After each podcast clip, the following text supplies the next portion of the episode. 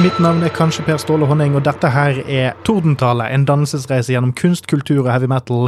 Velkommen skal dere være til sesong tre. Vi har greid det, folkens. Vi har kommet oss gjennom vinterens klamme, iskalde neve ned langs ryggen vår, og omsider blitt omfavnet av våren slash sommerens herlig svette barm eh, Nei, jeg strøk i metaforet eh, på videregående.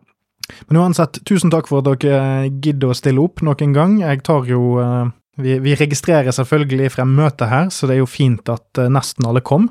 Det blir mye gøy denne sesongen. Det blir mye artig, mye spenstig. Og i dag så skal vi faktisk se på to formative opplevelser, både på godt og vondt.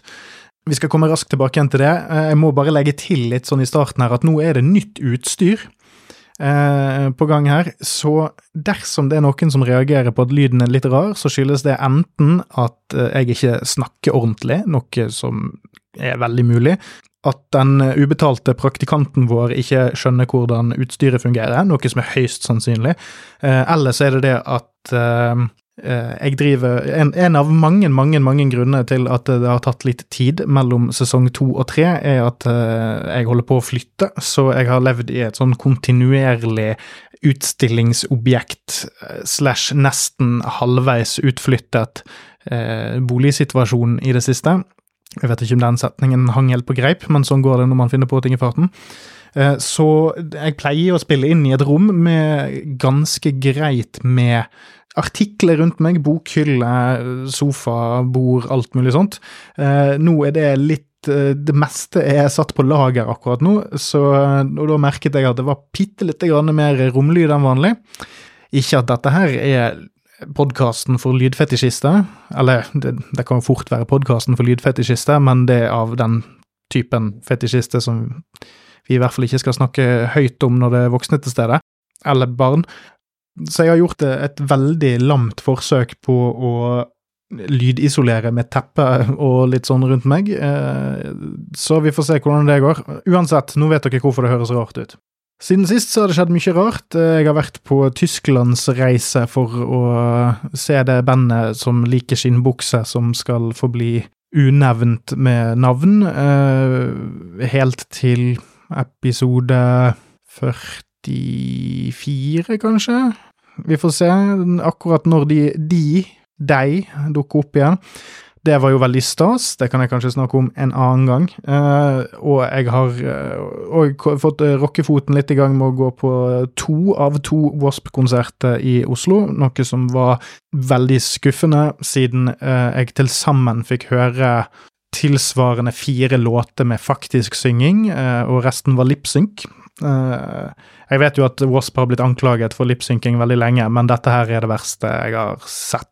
sånn sett. Jeg, med unntak av Kiss på Tons of Rock 2019, som jeg egentlig ikke eh, gikk inn for å få med meg, så er dette her den verste Dette er faktisk en litt verre lipsynk eh, fra DC enn det Kiss gjør, fordi Kiss har i hvert fall skamvett nok til å spille inn nye vokaltracks i studio og så fikse litt på de nå, sånn at Paul Stanley høres ut høres ut som han faktisk er så gammel som han er, om enn at han synger litt i overkant mye renere enn det han egentlig kan.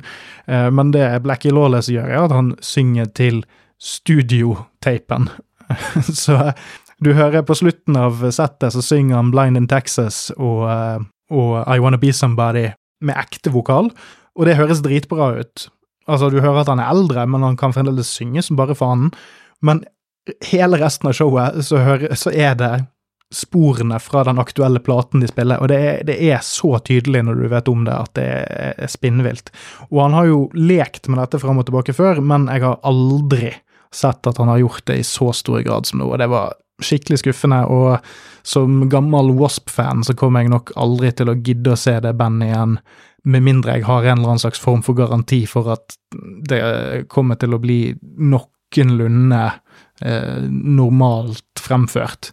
Eh, og jeg, jeg, trodde at det kom til å være det på denne turneen, fordi at i 2022 så hadde de ett show i Sverige, og der spilte de så å si alt uten tracks. Altså, de spilte med, med backing tracks på koring og sånt, men stort sett så var det Blackie som sang.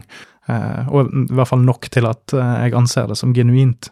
Så det er en sånn skuffelse eh, i livet å, å, å, få så mye av noe på to kvelder, eh, og så tenke nei, nå, nå, har, nå har dette sluttet å gi mening for meg òg. Nå har jeg sett dette bandet ni ganger, og de to siste gangene var total skuff.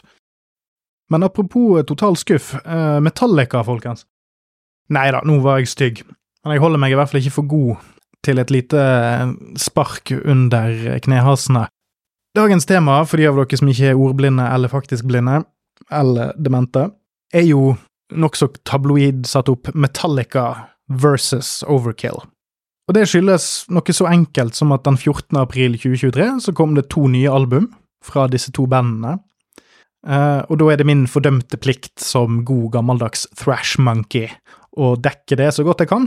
Altså, jeg, jeg kunne lagd to episoder men så tenkte jeg at hei, jeg jo, har jo en tendens til å bruke altfor mye tid til å tenke ut hvordan eh, jeg har lyst til å dekke et aktuelt album, og sånn, så kan jo jeg bare sette disse to opp mot hverandre, og så kutter jeg liksom alt overanalyserende dritt og sånn, og så bare så prøver jeg å male med brei pensel og, og kontrastrere og, og, bare snakke litt rett fra levra. Og det skjedde jo selvfølgelig ikke. Og jeg tenkte jeg skal gå litt inn i hvorfor jeg fronter disse to mot hverandre. Og jeg er jo i talende stund litt usikker på hva tittelen faktisk blir på episoden, men jeg vurderer i hvert fall å si Metallica versus Overkill. Um, og, og, jeg kommer nok ikke egentlig til å gjøre det så boksekampaktig som det legger opp til, men hei, clickbait, folkens. It's a hell of a drug. Og jeg har jo vært inne på begge disse bandene før, og jeg har faktisk vært jeg har vært litt dryg når det kommer til Metallica, fordi nå har Dette her blir vel faktisk den tredje gangen jeg dekker Metallica. Eh, og, og, som dere hører på tonen nå, så, så kommer jo ikke dette her til å bli kanskje tidenes mest vanvittig positive dekning. Og de to forrige gangene så har jeg jo da snakket om St. Anger og Lulu, som begge to er godt plassert inn i Forhatte plate-subserien som jeg plukker opp i tid og utide. Og Lulu er den verste platen jeg har dekket totalt i dette showets historie. Så jeg skjønner jo at enkelte Det er jo mange Metallica-fans der ute. Noen er litt sånn som meg, noen er mer glad i moderne ting. Uh, en god del er mest glad i 80-tallet. Men jeg liker egentlig ikke å snakke stygt om Metallica. Så det jeg tenkte rundt denne episoden, var å gi det en fair shake, nå som det tross alt er sju år siden forrige album kom ut. Uh, og det albumet var det første der jeg Altså Hardwired to Self-Destruct var det første Metallica-albumet jeg kjente jeg ikke klarte å omfavnes av, om, om dere skjønner. Uh, jeg har hørt St. Anger så mange ganger at jeg, jeg, føler jeg kan det albumet. Jeg vet, jeg vet hva det albumet er. Samme med Death Magnetic, som jeg egentlig har sansen for på mange måter, til tross for alle de tingene som folk vanligvis eh, tar opp når eh, man snakker om det albumet. Eh, Loudness Wars, alt det der. Um, men jeg, jeg datt helt av lasset i 2016 på, på Metallica sitt, sin, sine studiogreier.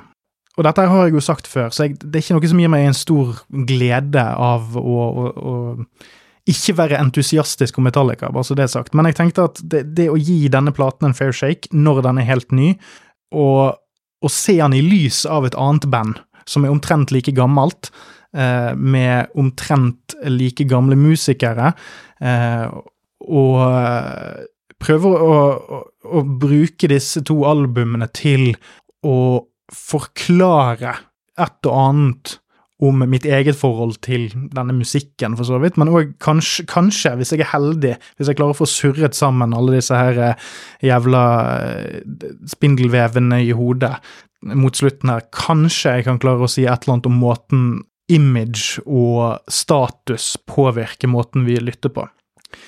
Altså, det, det er, nå er jeg allerede i gang med å snakke om det jeg har lyst til å kalle forventningenes ramme.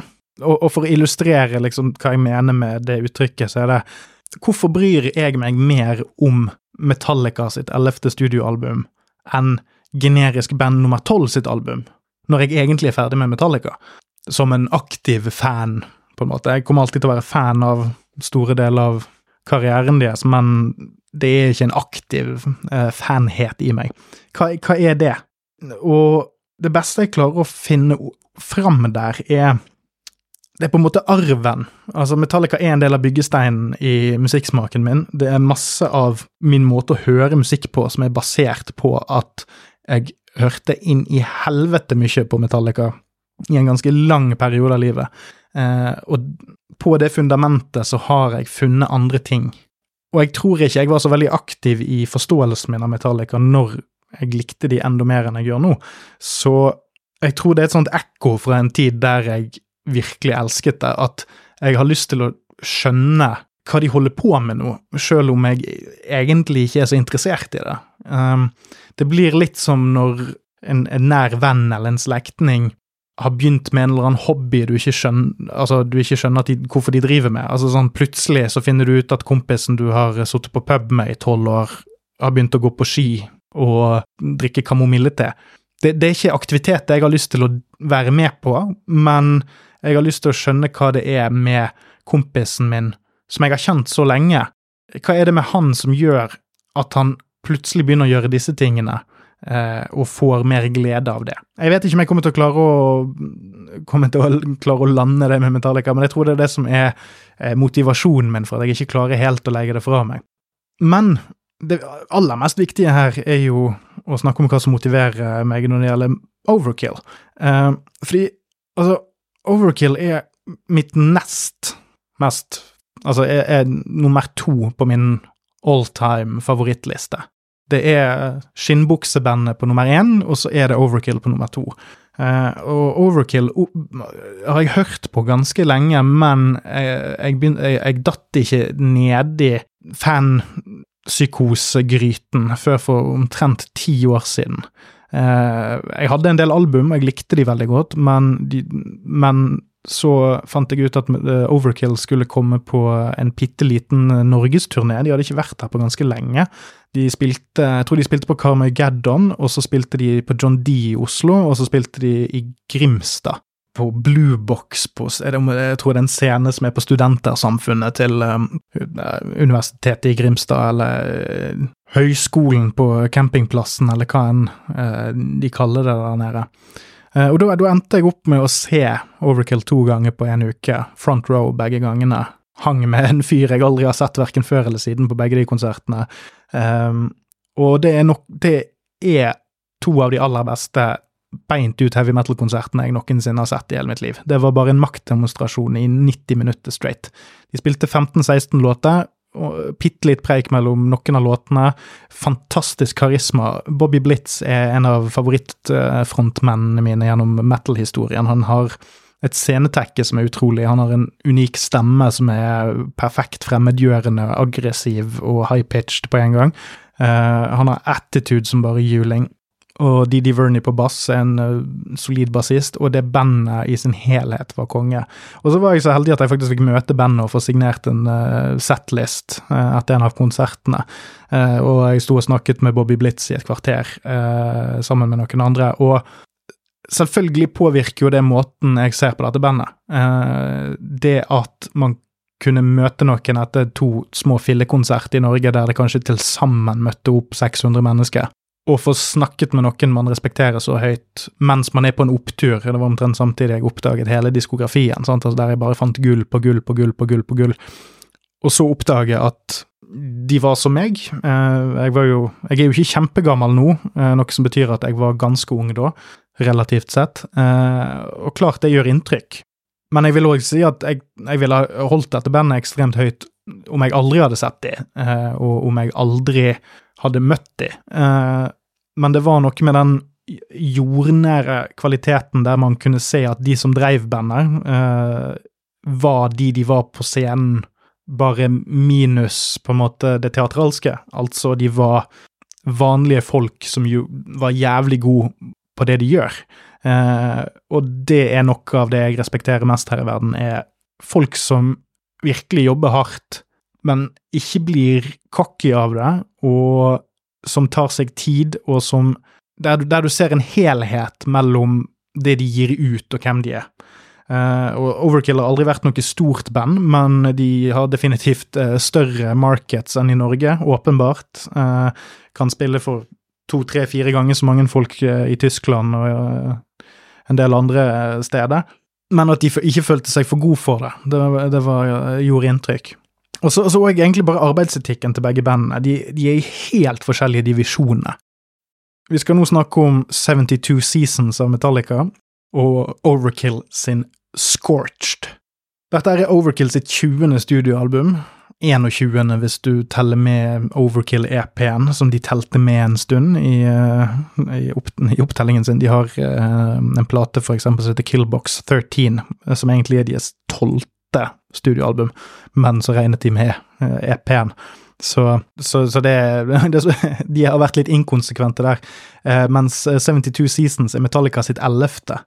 Og bare, bare, den, eh, bare, den, forskjellen mellom hvor mange album begge bandene har gitt ut, sier noe om hva liv de lever.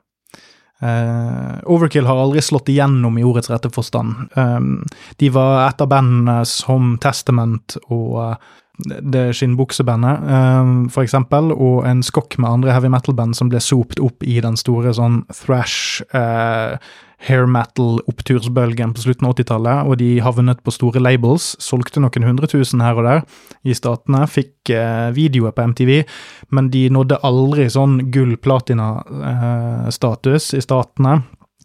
Eh, og med en gang grunchen kom og slo hull på det markedet der, så gikk de rett tilbake igjen til undergrunnen. Uh, og Overkill er det bandet jeg respekterer aller, aller mest når det kommer til hvordan de ridet seg gjennom 90-tallet.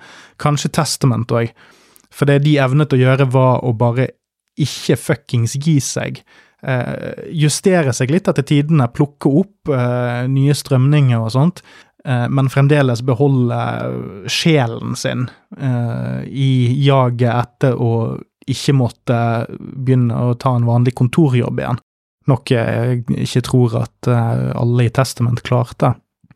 Eh, og det første albumet jeg kjøpte av, Over, av, Overkill, er From The Underground and Below, som kom ut i 97. Og det er et helvetes kompromissløst album. Eh, jeg har hørt folk snakke mye om Pantera sitt The Great Southern Trendkill, som jeg ikke syns er en plate som det er mulig å høre ferdig. Uh, ikke fordi at han er for hard, men fordi at han er for ufokusert uh, og vasete. Um, shots fired. Men Overkill sitt uh, From the Underground and Below er gullstandarden for meg når det kommer til å stå på egne bein. kjempe fram sin egen etos og patos når, det, når skoen trykker hardest. Og, og, det går òg inn i Overkill sin generelle både albumsyklus, men det, de har en undergrunnsfil, de har et arbeiderklasse-image, og syklusen til, til, Overkill er at de slipper plate, turnerer etter to år, slipper ny plate, turnerer et, etter to år. Er, de er thrash-metallens svar på Motorhead. Og, og, og på akkurat samme vis så så utfordrer de ikke rammene sine så ekstremt. De jobber innenfor det de sjøl sier er en veldig begrenset boks, men de er jævlig, jævlig gode på det. Mens Metallica har jo for lenge siden blitt stadion-rockestjerne. Altså, de er sin generasjons Rolling Stones. Jeg vet ikke om eh, et, et rockeband av tilsvarende status på, på imagefronten, på en måte. De, de har blitt sugd opp i mainstreamen og integrert og har blitt integrert i den på en sånn måte at det, det nå er omtrent umulig å separere hvem, hvem, de er utenfor statusen sin, om det henger på greip. Uh, de skal nå ut på en, en to år lang turné der de skal spille 44 konserter. Altså, bare, bare, bare hør på det, liksom. Uh, Overkill er omtrent like gamle, og de har ikke en tusendedel av budsjettet til Metallica, men jeg tror de kommer til å spille sikkert tilsvarende mange konserter bare i høst av, av behov, fordi at de er nødt til å selge konsertbilletter for å tjene til salt i såret, mens eh, det Metallica tar inn på T-skjortesalg alene på ti minutter, er jo nok til å gi en årslønn til eh, frityrkokken som de har med seg, som lager gratinerte aspargesbønner som bandet injiserer beint inn i ørehulene sine av en eller annen uh, av uh, kostholdsmessige årsaker. Så det, det, er jo Disse bandene her er kun sammenlignbare når du vet hvor de kommer fra, og når du vet hva grunnstammen i DNA-et deres er. Og Det var en jævlig lang intro, men, men grunnen til at jeg tar meg så lang tid her, er, er for å på en måte sette opp et ikke helt ferdig uttenkt scenario, sånn at det er litt enklere å, å se hvor jeg kommer fra når jeg etter hvert begynner å faktisk snakke om platene. Og eh, jeg tror vi skal gå for noe så enkelt som å tenke på hva er målene med de individuelle platene her, og, og bandene? Hva er det de vil med disse platene? Hvorfor gjør de det, og lykkes de med det? Og når det er sagt, før jeg hopper videre, så vil jeg si det at altså, nå, nå kommer jeg til å For å unngå dette her Jeg har jo muligens tidligere sagt at jeg er litt ferdig med å, å disse på Metallica og sånn, men for da å være fair her, så kommer jeg ikke til å fokusere så veldig mye på det negative. Eh, men jeg, jeg, tror at måten jeg kommer til å snakke om disse platene og disse låtene på, så er det sånn at der jeg snakker om det jeg liker, så vil jeg òg nesten underbevisst si noe om de tingene jeg velger å ikke kommentere, fordi det beste disse platene har å by på, er nok òg ganske representativt for hvordan bandene høres ut på sitt dårligste. Det høres ut som en selvmotsigelse, men jeg håper at vi eh, kanskje kan klare å få tydeliggjort akkurat det der. Så å, Før jeg hopper i gang med hoveddelene, så kan jeg vel si det at for å prøve å tydeliggjøre det siste eksempelet enda bedre, så kan jeg si at på godt og vondt så er begge disse bandene 100% seg sjøl gjennom hele albumet. Og med det sagt så går vi over til our main event, og da tenker jeg at i rettferdighetens navn, vi begynner med Metallica. Eh, grunnen til at vi begynner med Metallica, er det at eh, hei, clickbait, it's a hell of a drug. Eh, det er noen folk som har, trykt, som har kommet Jeg ser dere bakerst der, dere som kom litt seint inn. Um, det er noen folk som dukker opp uh, til denne episoden utelukkende pga. Metallica, og da tenker jeg at vi får bare gi de det de vil ha først, uh, og så kan vi som faktisk er reelt interessert i hva som foregår her, uh, bli sittende, sant, vi vet hvem vi er. Vi, vi blir sittende til slutten og, og diskutere i plenum hva det er vi har lært i dag. Vi sparer det beste til slutt. Ok, Metallica, 72 Seasons. Eh, noen punkter jeg har lyst til å dra fram her først. Det er produsert av eh, Greg Fiedelman pluss eh, Hatfield og Ulrik. Fiedelman har òg produsert eh, SNM2, eh, Hardwired to Self-Destruct, og Lulu, og så var han òg engineer på Death Magnetic. Eh, så han har ganske lang fartstid med Metallica nå, det blir vel pluss-minus 15 år. Fordi Death Magnetic var jo eh, ganske kontroversielt produsert av eh, Rick Rubin. Eh, så vidt jeg husker, så han Så var hans eh, involvering i det albumet stort sett å ligge på en sofa og kikke i taket mens skjegget grodde. Fiedelman har òg jobbet med Slayer og Slipknot og Audio Slave og System of a Down eh, og en haug med andre band, så det er ikke Han har jobbet med andre band som har et helt annet eh, lydbilde de har lyst til å fokusere på, enn det Metallica har. Uh, ellers er det samme lineup som det har vært de siste 15 årene. Det er Trujillo på bass, Kirk Hammett på sologitar, Hatfield på rytmegitar og vokal, og Lars Ulrik på tromme, uh, for better or worse. Um, og for at dette skal henge på greip, uh, så må jeg snakke kort om noe jeg har kalt Neo-Metallica. For dette albumet er et Neo-Metallica-album. Og med Neo-Metallica så mener jeg den sounden og arbeidsmetoden som Metallica har utviklet i perioden etter St. Anger, altså de siste 20 årene. Uh, og det er noe så enkelt som at de bruker dritlang tid på å lage platen. Og de albumene, altså disse tre siste studioalbumene, uh, har det fellestrekket at de alle lener seg mer tilbake igjen til 80-tallet på enkelte spor enn det alle platene på 90-tallet gjorde. Så de er mer retrospektive enn det Metallica var til og med St. Anger. Men samtidig så har det masse av sounden fra 90-tallet inni seg. Så Neo-Metallica er på en måte some kind of monster, en slags Frankenstein, eh, sydd sammen av alle de mest kjente karriereperiodene til Metallica, kombinert med et ønske hos bandet om å alltid være on the move, alltid holde seg i bevegelse, alltid være på leit etter det neste. Og jeg personlig mener at disse ønskene og, og denne arbeidsmetoden og denne, dette overfokuset på å utvikle seg med gamle eh, deler, med gamle reservedeler, er selvmotsigende og ufokusert. Eh, det var det jeg tenkte før jeg slo på albumet, og så hørte jeg gjennom albumet en gang og hadde et litt forvirret førsteinntrykk. Fordi førsteinntrykket mitt så var det at det var vesentlig bedre enn forventet på de første to-tre låtene. Eh, og så tapte det seg litt, og så merkes det skikkelig rundt eh, spesielt låten You Must Burn, som er veldig seig og loadete på feil måte. Jeg er egentlig veldig glad i load og reload, mest fordi at de to albumene de er dritlange, som jeg hater, men de, de, er veldig varierte. Og det er alltid noe annet du kan like rett rundt hjørnet, uh, dersom du har et litt åpent sinn. Det jeg liker med Load Reload, er at de er eksperimentelle på en måte, samtidig som de er en videreføring av The Black Album rett på sak-tendensen. Så ja, de er litt sånn coked up og overprodusert, er det enkelte som sier, og masse rart som foregår på de albumene, men låtene er relativt kortere, de er mer to the point, det er mer én idé eh, som utforskes. Det er mer klassiske rockelåter, og det forsvinner helt post St. Anger.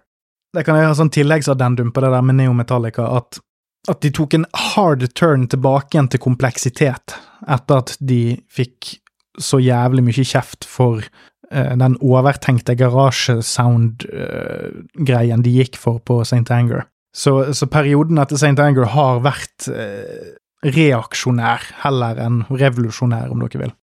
Men, men helhetsinntrykket av første lytt var om, omtrent som forventet. Andreinntrykket var bedre. Der kom det seg, eh, faktisk. Eh, da, da, likte jeg de første låtene mer, men så kom det igjen en bråstopp på låten Sleepwalk My Life Away. Og igjen, det som på en måte taler til denne platens fordel, er at eh, alt i alt så er det et album som det er vanskelig å få grep på.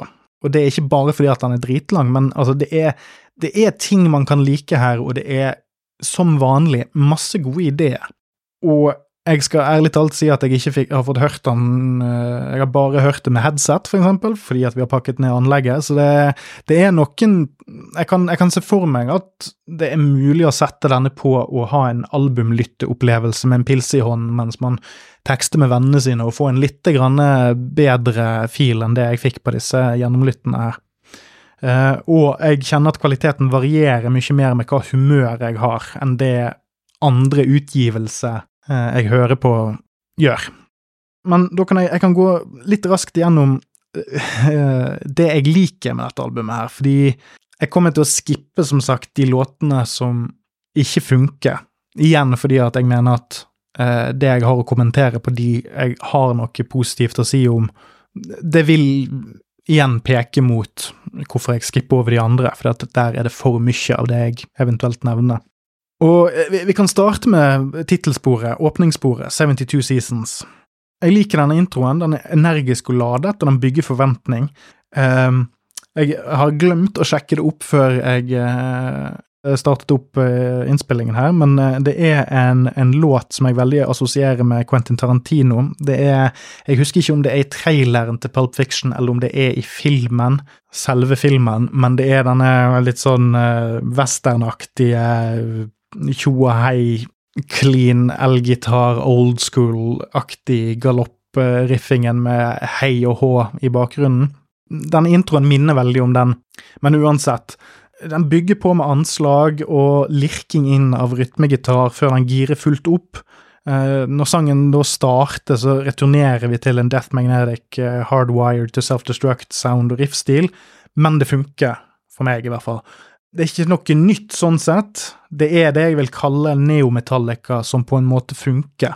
Uh, men så trekkes det ned av et for seigt forrefreng, men refrenget fungerer sånn sett ganske greit når vi først kommer dit. Den har en load gitarsolo de luxe, noe jeg ikke nødvendigvis har noe imot. Uh, og så kommer vi på denne låten til første eksempel på James som synger linje som han aldri kommer til å klare å synge live. Han legger seg altfor høyt til registeret. Det fungerer veldig bra i studio, men det er ikke holdbart over tid. Eh, og dette kan kanskje være grunnen til at de bare skal spille 44 konserter på to år. At han kanskje skal greie å synge denne på halvparten av de. De skal jo ha sånne no repeat weekends eller noe sånt. De skal spille to konserter i, i hver by, og så skal de ikke spille samme setlist begge kveldene. Så det er ingen av de samme låtene på altså Hvis de spiller fredag og søndag, så er det ingen av låtene fra fredag som, som blir spilt søndag, og vice versa. Så det kan kanskje ha noe med det å gjøre. Um, altså Alt i alt en grei åpner, men starten lover noe som resten av låten ikke klarer å holde. Den viser på en måte hva gamlingene i crowden vil ha, altså de i publikum, uh, men den lander ikke helt der. Når det er sagt, så er låten solid satt sammen, og det bygger seg bra opp igjen med en sterk solo og harmonidel før siste runde med vers og refreng, men det er Den viser deg allerede i åpningen hva den kommer til å gjøre, og det kommer ikke til å være så veldig mange overraskelser etter dette, med et hederlig unntak. Så den, den låten der er på en måte akkurat sånn at jeg kan høre den igjen. Uh, uten at det vil plage meg veldig. Jeg har hørt folk som har reagert veldig på disse her uh, singelutgivelsene før platen ble sluppet. Jeg er ikke en av de som overreagerte så veldig på det, men det var mest at jeg kjente sånn uh, Hvis dette er det beste, så vet jeg ikke om jeg har lyst til å høre resten. Og det stemte, uh, til en viss grad. Um, men vi, låt nummer to, Shadow, Shadows Follow, den liker jeg bedre hvis skalaen min går fra, går fra 1 til 66, um, så vil jeg si at denne her er på rundt 40, som er sånn ok, nice nok under visse omstendigheter. Uh, her starter vi med litt Justice-aktige greier på riff og trommefronten, uh, før vi klikker tilbake igjen til neometallica-tendenser. Men refrenget klarer å kombinere noen stilige særtrekk som høres litt nytt ut. Det som merkes her, og på forrige låt, er at riff- og taktskiftene bandet er kjent for å komme i veien for de genuint gode ideene som ligger. Eh, rundt tre minutter inn så går vi inn i bridgen og solopartiene, der låten virkelig løftes av eh, The Black Album-tendenser. Eh, Kirk roter litt fram og tilbake, men han finner soloen etter hvert. Det varierer veldig hvor bra jeg syns den låten funker de siste tre albumene så har de slitt med at Metallica virker litt redd for å finne det riktige riffet og den riktige strukturen på gromlåtene. Så det de gjør, er at de safer seg med å være progress i hermetegn progressive, sånn at alle kan finne noe gøy her. Og det er òg enorme hermetegn rundt alle her. Eh, og denne låten viser det godt. Altså, det er sånn Hver gang Metallica gjør en ting som gjør meg som gammel Metallica-fan glad, altså disse litt Justice-aktige tendensene, så virker det som om de aktivt går inn for å motarbeide det, altså vise at nei, vi er, vi er ikke et retroband, vi, vi, vet hvor vi kommer fra, men vi er i hvert fall ikke sånn, og nå skal du høre to-tre andre ting som kanskje eller kanskje ikke passer inn akkurat her, som vi skal legge inn, og så må du nesten bare lære deg å deal with it, buddy. Um, og det, det er litt det er litt som å sitte og spise en, en helt ålreit softis, og så kommer det noen bort og drysser noe litt komplisert over det, og så er du ikke helt sikker på om det er grus med litt hundeskit i, eller om det kanskje smaker litt kanel.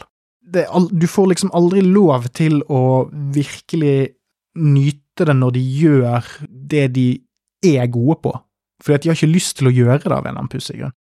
Så låt nummer tre, 'Screaming Suicide', den har jeg òg på en måte puttet på over middels på karakterskalaen.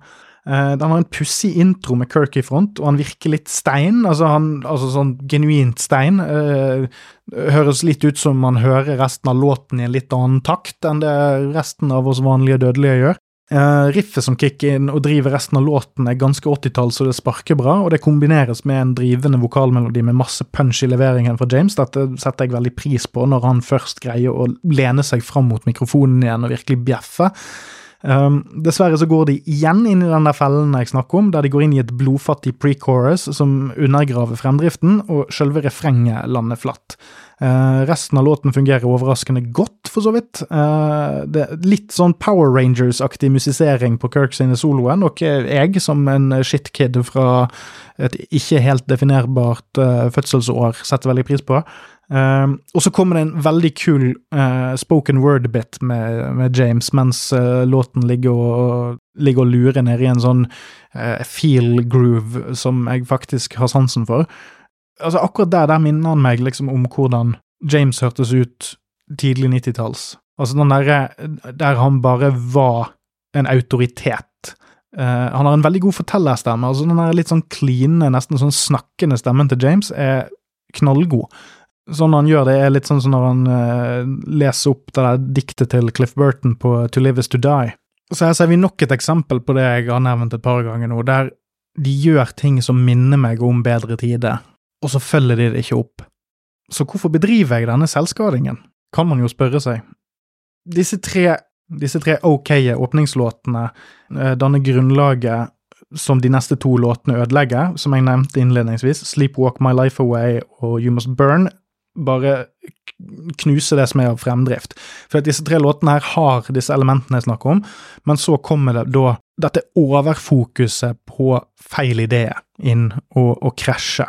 Og så får vi oss en liten opptur med Luxy Turner, som jeg egentlig ikke liker så fantastisk godt sånn prinsipielt, men man må kunne si at eh, når det kommer til denne neometallica-greien, der de er veldig opptatt av hvor de kommer fra, så er dette på en måte en, en Dette er sånn som Kill Em All ville hørtes ut dersom Metallica debuterte med debuterte i dag. Det er sånn Luxy Turner høres ut. Uh, Luxy Turner er rask, uh, to the point. Det er kanskje den minst overspilte låten på hele platen. Og her skriker igjen James altfor høyt på de høyeste tonene igjen, uh, og altfor lyst. Uh, noe som han kommer til å gjøre igjen, kommer til å gjøre denne låten ekstremt vanskelig å forholde seg til live det som er trist, er at flere av de andre låtene på albumet kunne fortjent denne her veldig lite overtenkte strukturen. Men altså sånn, som sagt, denne låten er bare litt grann over midt på treet for meg, men den er i det minste ærlig og rett fram. Um, det er flere andre låter på dette albumet som har riffmateriale man kunne bygget en tilsvarende nedstrippet versjon av. Jeg sier at jeg ikke liksom er blown away, men den er i hvert fall levende og i øyeblikket, eh, og det foretrekker jeg fremfor tolv riff som ikke passer sammen i slengen. Så på alt jeg har trukket fram nå, så kunne jeg egentlig foretrukket Luxy Turner-versjonen av de låtene mer. At om jeg kunne fått velge, så hadde jeg eh, Om jeg hadde sittet og fått lov til å bestemme hva som skulle være med på denne platen, så hadde jeg insistert på at eh, for hver jævla låt så måtte bandet plukke vekk tre-fire riff og så kommer vi inn på en seksjon her som bare mister meg totalt. Som er Crown of Barbed Wire, Chasing Light, If Darkness Had a Sun, som er den dårligste låten på platen. Den og Room of Mirrors, uh, og Too Far Gone. Men her skjer det noe litt stilig på aller siste låt. Og nå vet jeg ikke om dere kommer til å være med meg på dette her, men det driter jeg i, det er mitt show, det er ingen som kan stoppe meg. Men siste låt er Inamorata. Eh, og det er da Metallica sin aller lengste sang noensinne. Den er vel elleve minutter, eller noe sånt. Den er monoton, repetiv, og jeg liker det veldig godt. Den, den er på en måte ikke helt neometallica. Her på denne Og det, jeg, jeg, er sikkert i minoritet her, men på denne låten her så høres det ut som om Metallica bare mediterer over et riff det er mer eller mindre bare ett riff gjennom hele skiten. I hvert fall ett riff som betyr noe, som har stayerevne, og som jeg faktisk klarer å høre på i elleve minutter uten å bli helt ko-ko. Og det er et eksempel på Metallica som gjør noe litt utenfor rammene på det Neo-Metallica-prosjektet sitt, og som ikke er eh, verken eh, påtatt fremoverlent eller bakoverlent. Uh, det føles ikke som om de ser seg noen vei, det høres bare ut som de har syntes at dette her er en cool sound og godt for det, og jeg liker det. Den minner, minner meg veldig om Black Sabbath, uh, spesifikt av National Acrobat og Sweet Leaf, uten at den er sånn en rip-off direkte av noen av de. Det kan hende at det er en tredje Black Sabbath-låt jeg egentlig tenker på, uh, uten at jeg helt klarer å sette fingeren på sånn noe mer konkret utover det. Det er noe med det som minner om en slags overempet fokus på selve riffet nærmest baklengs, som gir meg den der filen der. Og artig nok så covret jo Metallica National Acrobat eh, som bridge i Sabracadabra-låten på Garage Inc. Som sagt så er låten Metallica sin lengste, og jeg bryr meg ikke om det. Eh, og jeg som bryr meg så jævlig mye om hvor lang en plate er, eh, så syns jeg det sier litt. Når det er sagt, så er det ikke noe grensesprengende her, og, og helhetlig så kan den sies å være en slags fusjon av 70-tallspåvirkning, Sad But True og Load-sounden. Um, riffet er catchy på akkurat riktig måte. Den setter seg fort, og den blir der.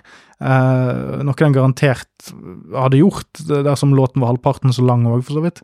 Men jeg liker som sagt at den er lang. Uh, det virker merkelig nok fortjent her, altså at materialet har staying power.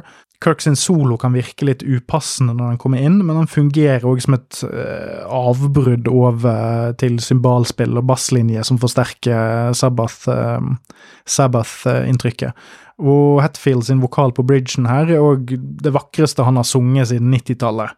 Eh, og legger man emosjonelt som en qualifier på toppen, så definitivt siden The Black Album, syns jeg. Så eh, jeg vil jo ikke si at de redder platen her, for det gjør de ikke. Men de ender jo opp med å vise meg at de har et eller annet jeg er interessert i, i seg fremdeles. Og det her høres jo kanskje ut som den mest negative oppsummeringen av de positive sidene med et album noensinne, og det, det er kanskje det. Det er komplekse følelser involvert her, men det er men nå, men nå, kan vi legge den til side og komme oss over til pølsen i rosinen her, nemlig Overkill sin Scorched, og, og kanskje prøve å eh, flippe bordet litt på, på, hva det er vi snakker om. Scorched er produsert av Colin Richardson. Eh, han mikset From the Underground and Below, som jeg snakket om tidligere. Han produserte òg Killbox 13 for ca. 20 år siden. Som er to knallsterke, nyere eh, Overkill-album. Uh, men det jeg òg vil si, er at i, det som er litt artig med Overkill, er at de har hatt en evne til å ta til seg nye, nye elementer i sounden og i måten de lager musikk på, ganske jevnt og trutt. Og så har de lagt seg inn i en rutine nå de siste 15 årene som holdt på å bli litt kjedsommelig for meg. Uh, for å gi litt rask bakhistorie her, så uh, Overkill hadde en nærmest renessanse rundt 2010, når de ga ut Ironbound, uh, og et par år seinere så kom The Electric Age ut. Og det var de nye Overkill-albumene som jeg virkelig kicket på når jeg ble fan. Blodfan. Og de to platene er på en måte de siste i en Eh, på en måte en trilogi da, som starter med Immortalis i 2007. Når det er sagt, så anbefaler jeg hele diskografien til uh, Overkill, men altså, hør på 80-tallsgreiene. Uh, Horoscope, From the Underground and Below, Killbox, uh, og så de tre platene der jeg nettopp nevnte. Immortalis, Ironbound, The Electric Age. Der har du en ganske solid diskografi bare der. Og, så, og, med de tre platene, eh, spesielt de to siste der, så begynte de å sementere en sånn det jeg vil kalle 2010-sounden deres. Uh, som de da fortsatte med på de tre neste platene, som på en måte har hatt det jeg vil kalle diminishing returns, for min del. Uh, du hadde White Devil Armory i 2014, som jeg syns var ganske bra. Greien med Overkill er at det er ikke nødvendigvis sånn at hvert jævla album er liksom treffer ti av ti hele platen gjennom, men det er alltid nok å like til at du er fornøyd med at Overkill fremdeles gir ut plate, akkurat på samme måte som med Motorhead. Jeg er veldig glad i Motorhead, men det er veldig få av Motorhead sine plater jeg ville kalt steinkalde klassikere. Og det er akkurat det samme med, med Overkill, egentlig. Jeg er mye mer fan av hele katalogens evne til å alltid gi meg noe jeg kan oppdage på nytt, enn at alt er ti av ti hele veien. Og denne tendensen fortsatte litt med 2017-albumet The Grinding Wheel og The Wings of War, og de to siste der er de Overkill-albumene jeg har hørt minst på. Det kan ha noe med metningspunkt og litt sånne ting, eh, jeg skal gå tilbake igjen til de på et tidspunkt og høre, men da for ærlighetens skyld, så var det da Det hadde jeg i bakhodet, på samme måte som jeg hadde en forutinntatthet med Metallica, så hadde jeg ikke en like sterk forutinntatthet, men jeg var på en måte litt Jeg forventet på mange måter at dette skulle være mer av det samme. Og kanskje var det akkurat det, og kanskje ikke. Så førsteinntrykket mitt var litt underveldende, men solid. Eh, noen hakk over de to forrige platene, og, og, kanskje på nivå med White Devil Armory, men under eh, Ironbound og The Electric Age, som på en måte er den, den siste peaken i karrieren deres. Eh, Andreinntrykket mitt var at han var vesentlig bedre, og at jeg vil holde han definitivt over de siste tre studioalbumene.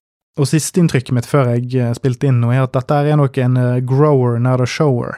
Uh, men jeg vet fortsatt ikke om det skyldes mengden lytt jeg har gått inn for. Så jeg må Jeg vet ikke helt hvor jeg posisjonerer han som totalt sett, men det er interessante ting som skjer her.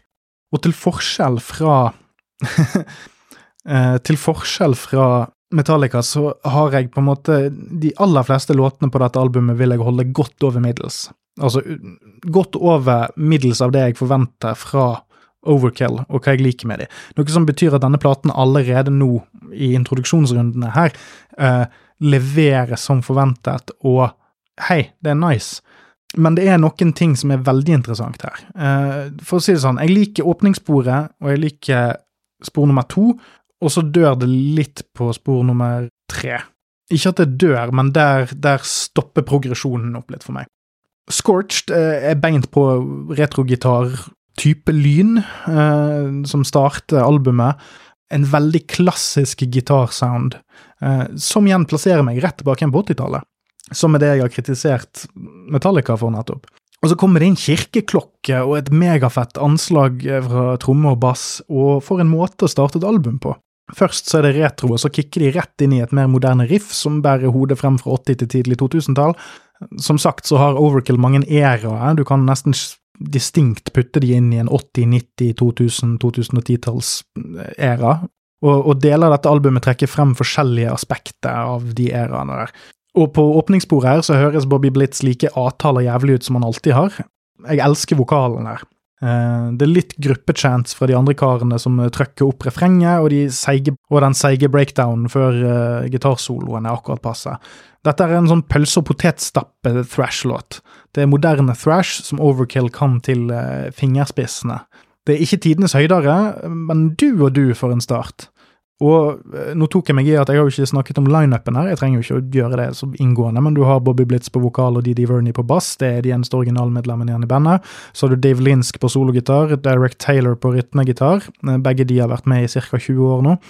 Uh, og så har du Jason Bittner på tromme. Dette er hans andre album for Overkill. Låt nummer to, Going Home, starter òg med gitartone som minner om det glade 80-tall, men uten at det noensinne føles som en sånn overlagt nostalgireferanse. Den gønner beint videre med chuggende riff med nok oppturer og variasjon til å aldri bli helt forutsigbart. Eh, vokalrytmen på Blitz sine linjer her er dritbra. Eh, mannen har sunget på 20 album, og det kan bli litt repetitivt til tider hvordan han legger opp de ulike linjene, men her er melodien skikkelig flygende, eh, underbygget av en nærmest myk gitartone under, og slutten på hvert vers virker fortjent. Dette er alt i alt en mykere låt enn åpningssporet, selv om den er godt inn i thrashen og har beinharde riff. Eh, neste spor er The Surgeon, og den den stopper litt opp. Eh, til tross for at Didi Verney sin basstone setter anslaget her og gjør seg skikkelig bemerket for første gang på platen. Han har en litt unik basssound. Ikke unik, men den er litt sånn Unik er ikke det rette ordet, men uh, han har en veldig tydelig basssound uh, som uh, er inspirert av andre basseide band, som for eksempel Maiden og Motörhead der du hører bassgitaren, og det er med vilje. Litt sånn som Steve Harris sa en gang. Det er mitt band, selvfølgelig skal du høre at jeg spiller på låtene. Um, her er verselinjene til Blitz litt mer gjenkjennelige, og så minner det mer om låter fra 10-12 år tilbake som helhet. Altså hele låten høres ut som det. Uh, og da mener jeg at det er på samme lest. De er ikke, den er ikke av samme kvalitet som de låtene fra de platene fra 10-12 år tilbake.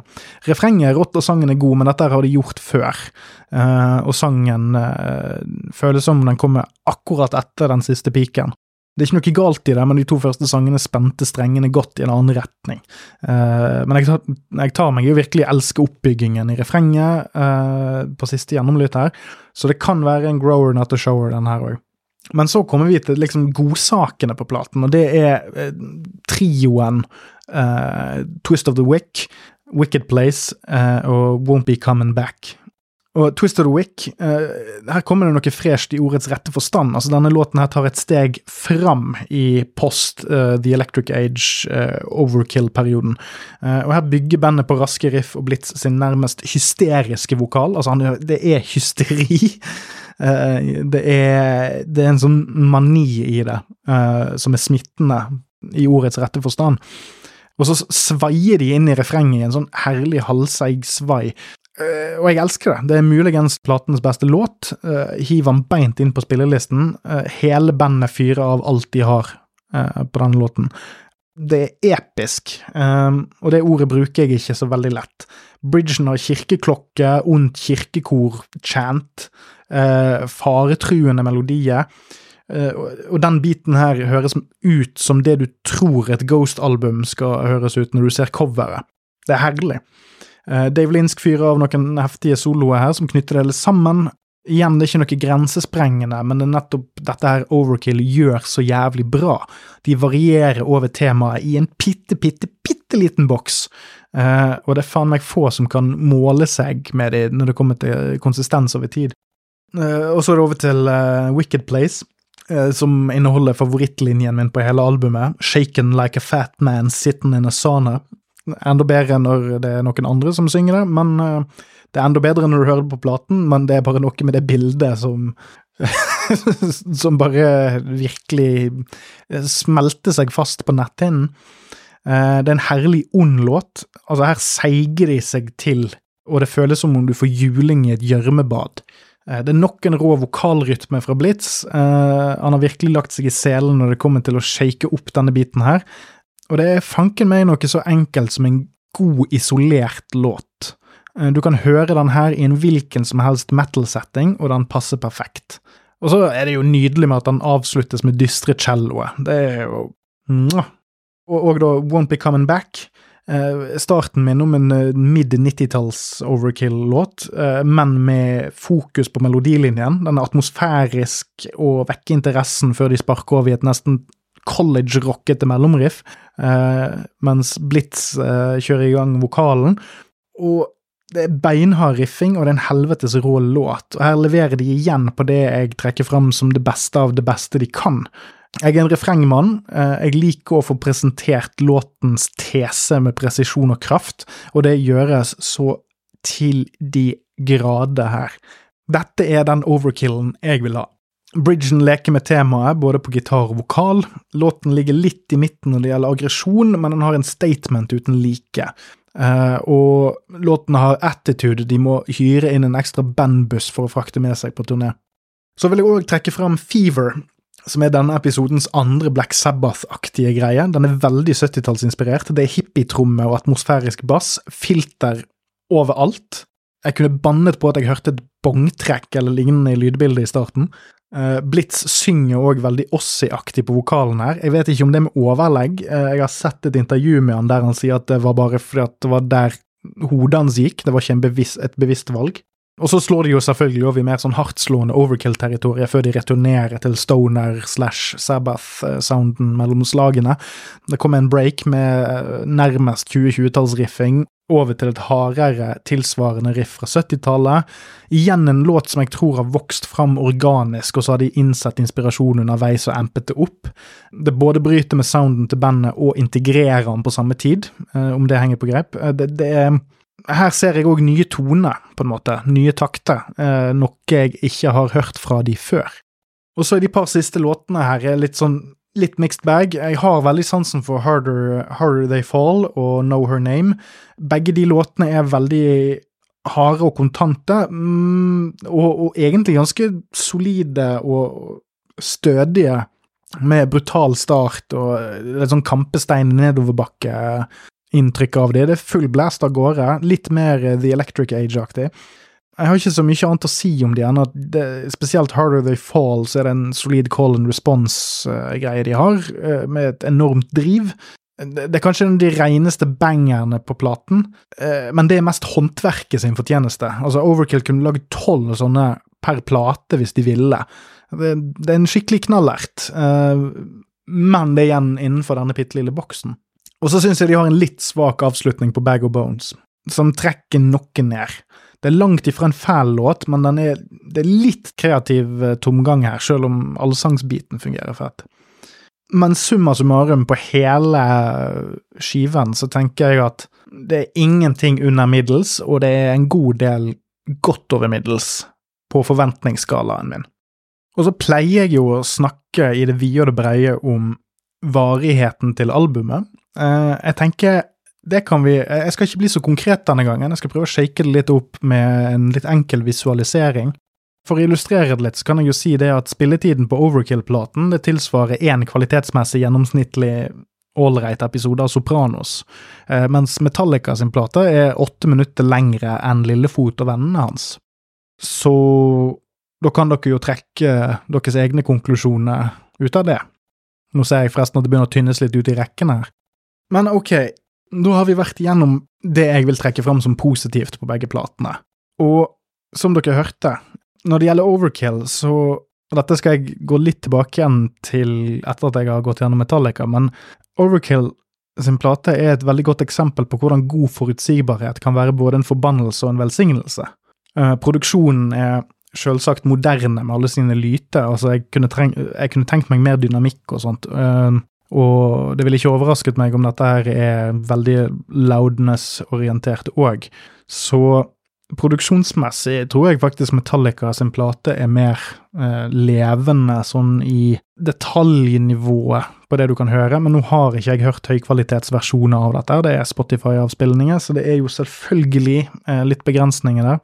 Men det jeg vil si om Overkill-platen, er at jeg vil plassere den nærmere post 2000-tallspiken jeg har snakket om, enn de siste ti årene. Så det jeg håper på, er jo at dette her er starten på en ny syklus à la Immortalis. Eh, og med det så mener jeg altså at eh, jeg, jeg håper at det venter noe enda bedre bak neste sving, altså ved neste album.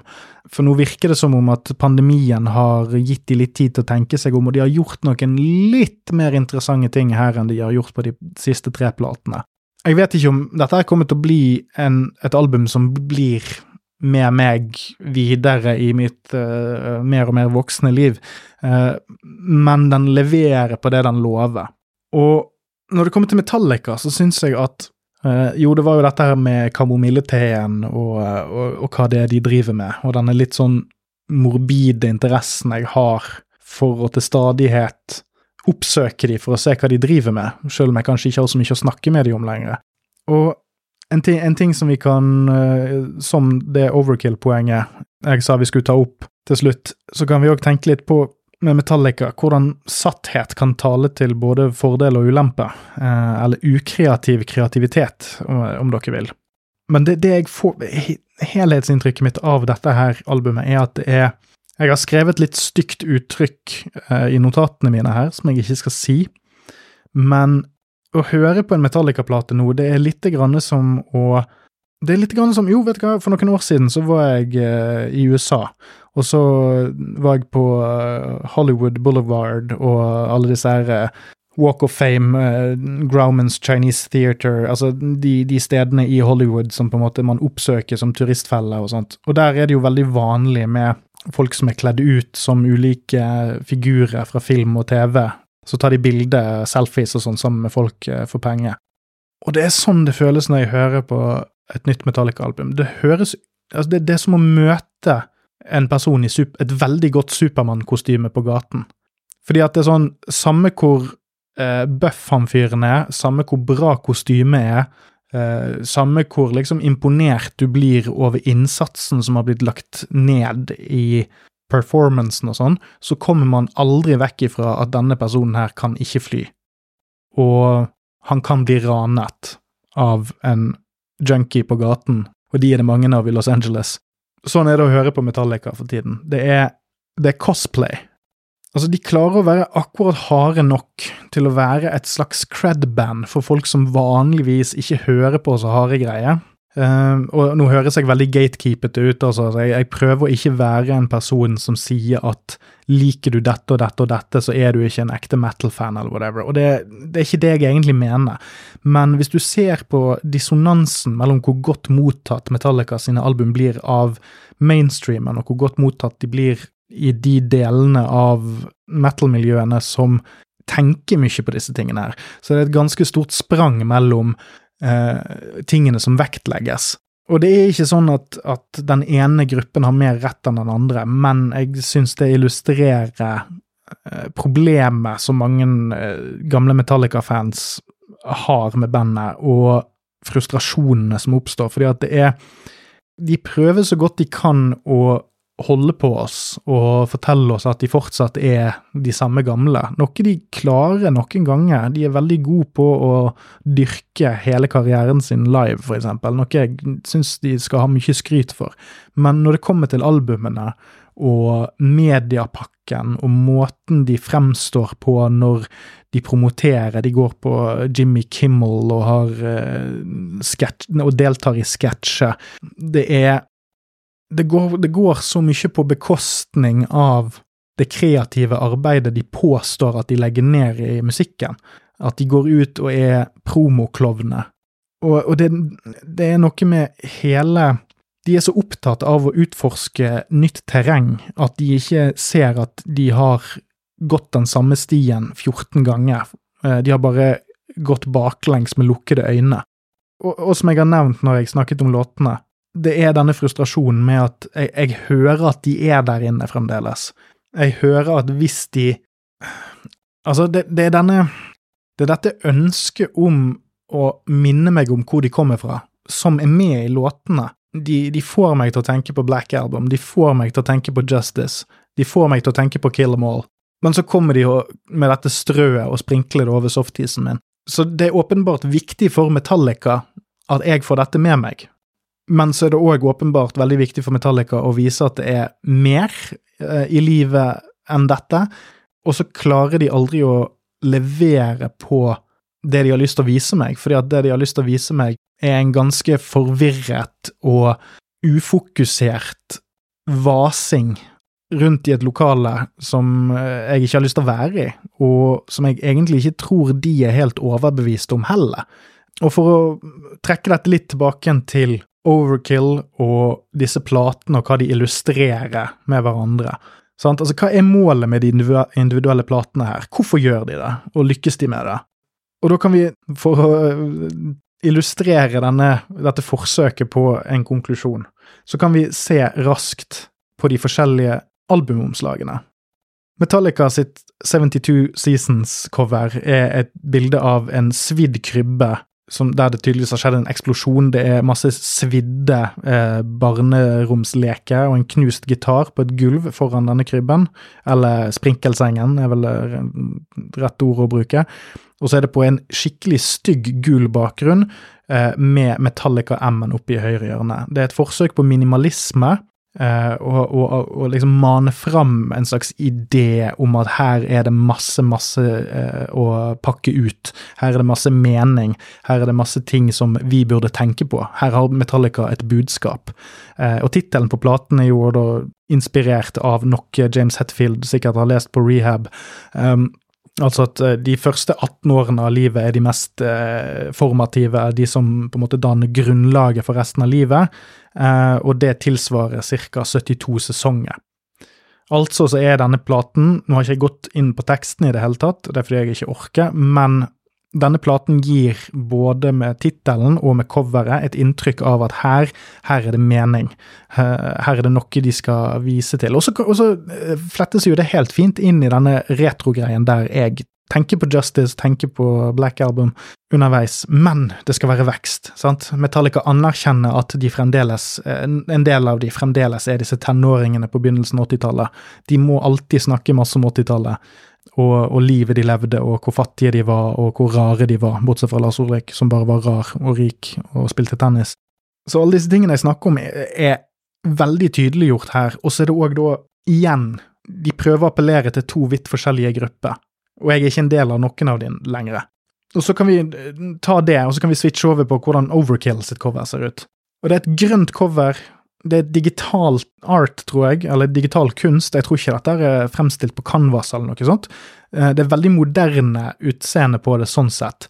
Um, Overkill hadde jo mange forskjellige typer albumcover på 80-tallet og sånn, men dette albumcoveret er ikke retro. Dette her er et veldig moderne heavy metal-cover, eh, som kunne sett Altså, de har hatt noen dårlige albumcover i det siste, og jeg har ikke likt eh, de to forrige albumcoverene. Um, dette er lagd av en fyr som heter Travis Smith, mens Metallica sitt er lagd av et sånt eh, reklamedesigner-kunstkollektiv, som Lars Ulrik sikkert har kjøpt opp. Um, han heter Travis Smith, og han har jobbet med Overkill ganske lenge. så Han har, eh, han har liksom en rytme og, og, et instinkt for hva de vil ha, og så gjennomfører han ideer som Overkill gir han.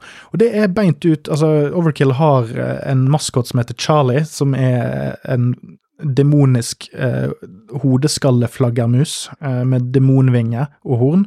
Og her er det da to Charlies som eh, er spunnet fast i hverandre, der de på en måte er som slange som spinner rundt hverandre, litt sånn som i den logoen til, som liksom representerer medisinyrk, med legeyrket.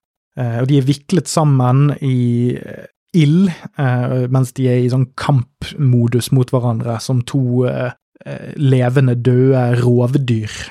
Og dette platecoveret bare oppsummerer hele denne platen beint ut, klask, der er det.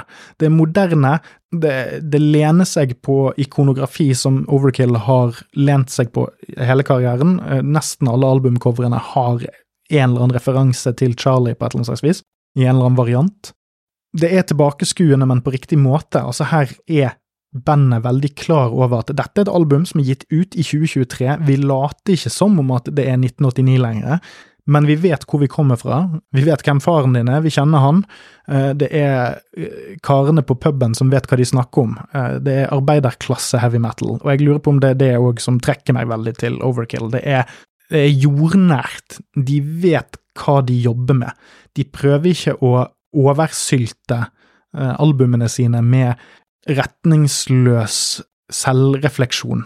Og sant? Altså, Hva var målene med de individuelle platene og bandene? Sånn? Jeg, jeg syns jeg har jeg syns jeg har illustrert det så godt som jeg kan her. Um, målene til begge platene er å, å, å, si dette her er bandet vårt i 2023.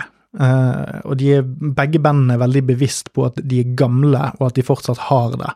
Og grunnene til at de gjør det, er vidt forskjellige. Metallica trenger ikke å slippe et album. De gjør det fordi at de har et behov for å fortsette å gi ut plater. De har et behov for å vise at de eksisterer, uh, som en kreativ kraft. Men de vet ikke hva de vil med det.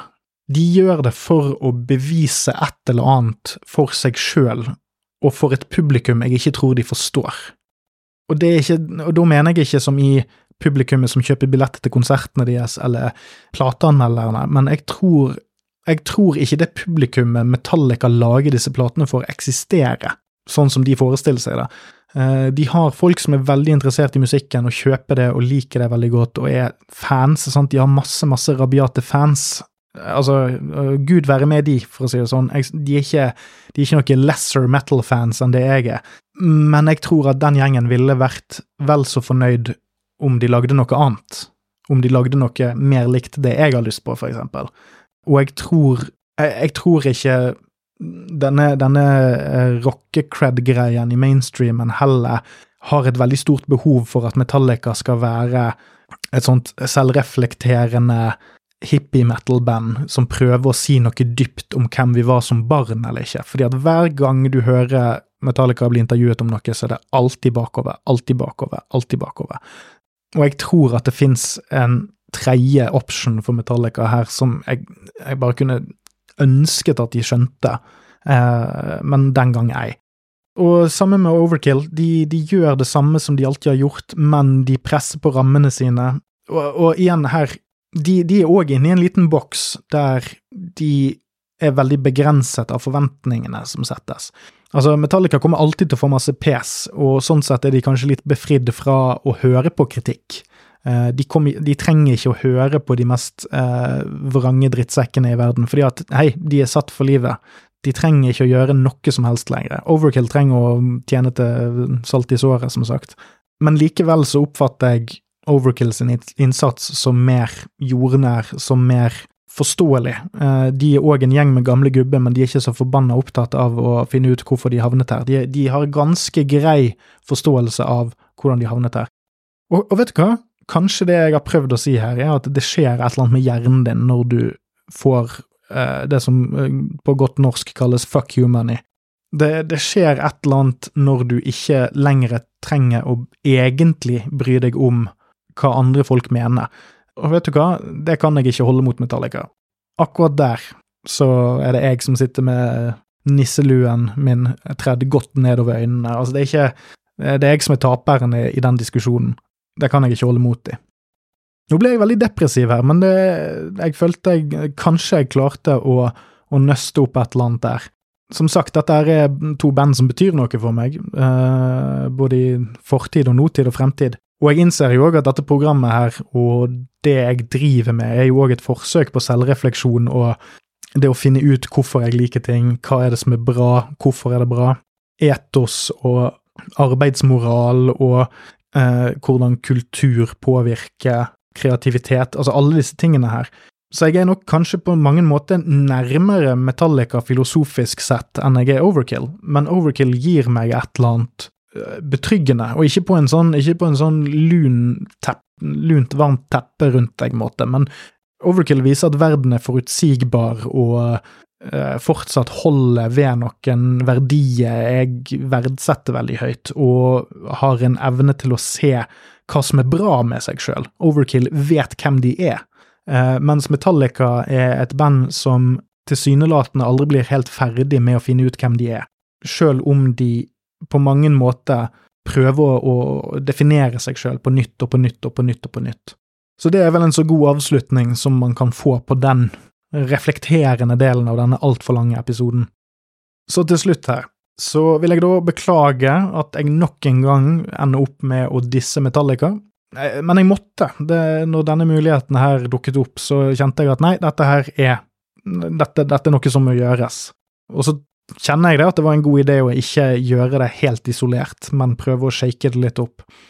Og så lover jeg på det helligste av det hellige, altså eh, den eh, signerte LP-platen av Triumph of Steel jeg kjøpte av en greker, at neste gang Metallica frontes på dette showet, så skal jeg snakke om noe mye mer interessant og positivt, eh, for eksempel live shit og eller Jason Newsted, som er en størrelse jeg har uh, hatt lyst til å dekke ganske lenge. Og så kommer jeg òg en plan en gang i fremtiden om å dekke uh, noen av de litt mer klassiske Overkill-albumene.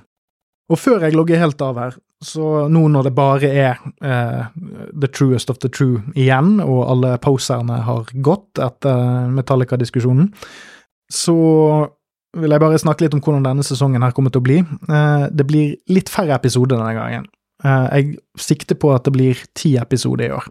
Uh, og så vurderer jeg noen veldig low effort-episoder dersom jeg får tid, bare for å få ut litt mer og tvinge meg sjøl til å være kreativ. Og, og grunnene til det er mange. Jeg flytter det litt uh, ting på den personlige fronten som jeg ikke skal, ikke skal, gå inn på her. Altså ikke noe farlig, ikke noe dumt, ikke noe teit, men det er, det er, mye som foregår, er vel det, det som skal sies. Men det skal bli ti episoder, sånn som vi er vant til, men jeg kommer nok for enkelhets skyld for å sørge for at det kanskje blir ti episoder, og ikke færre. Uh, kommer jeg til å fokusere mest på heavy metal-biten av showet. Uh, det er jo egentlig et uh, hell i uhell, fordi jeg ser jo at det er vesentlig flere som er interessert i f.eks. Black Sabbath uh, og, og dette skinnbuksebandet Uh, enn for eksempel Cats, uh, selv om Mariah Carey-episoden gjorde det jævlig bra i fjor. Så uh, de av dere som er mest for heavy, dere kommer til å gå et godt år i møte. Og som sagt, så ser vi om det skjer noe quick fixer på slutten av året dersom jeg faktisk klarer å nå ti av ti. Så det jeg har notert i notatene mine her, er at jeg skal si noe artig å logge av. Så sånn i farten så sliter jeg jo litt med det, men, men jeg kan jo runde av med å si noe helt tilfeldig og useriøst, som for eksempel at nå har jeg gått rundt med Mummitrollet-sangen på hjernen i seks uker, og du store min som tiden flyr.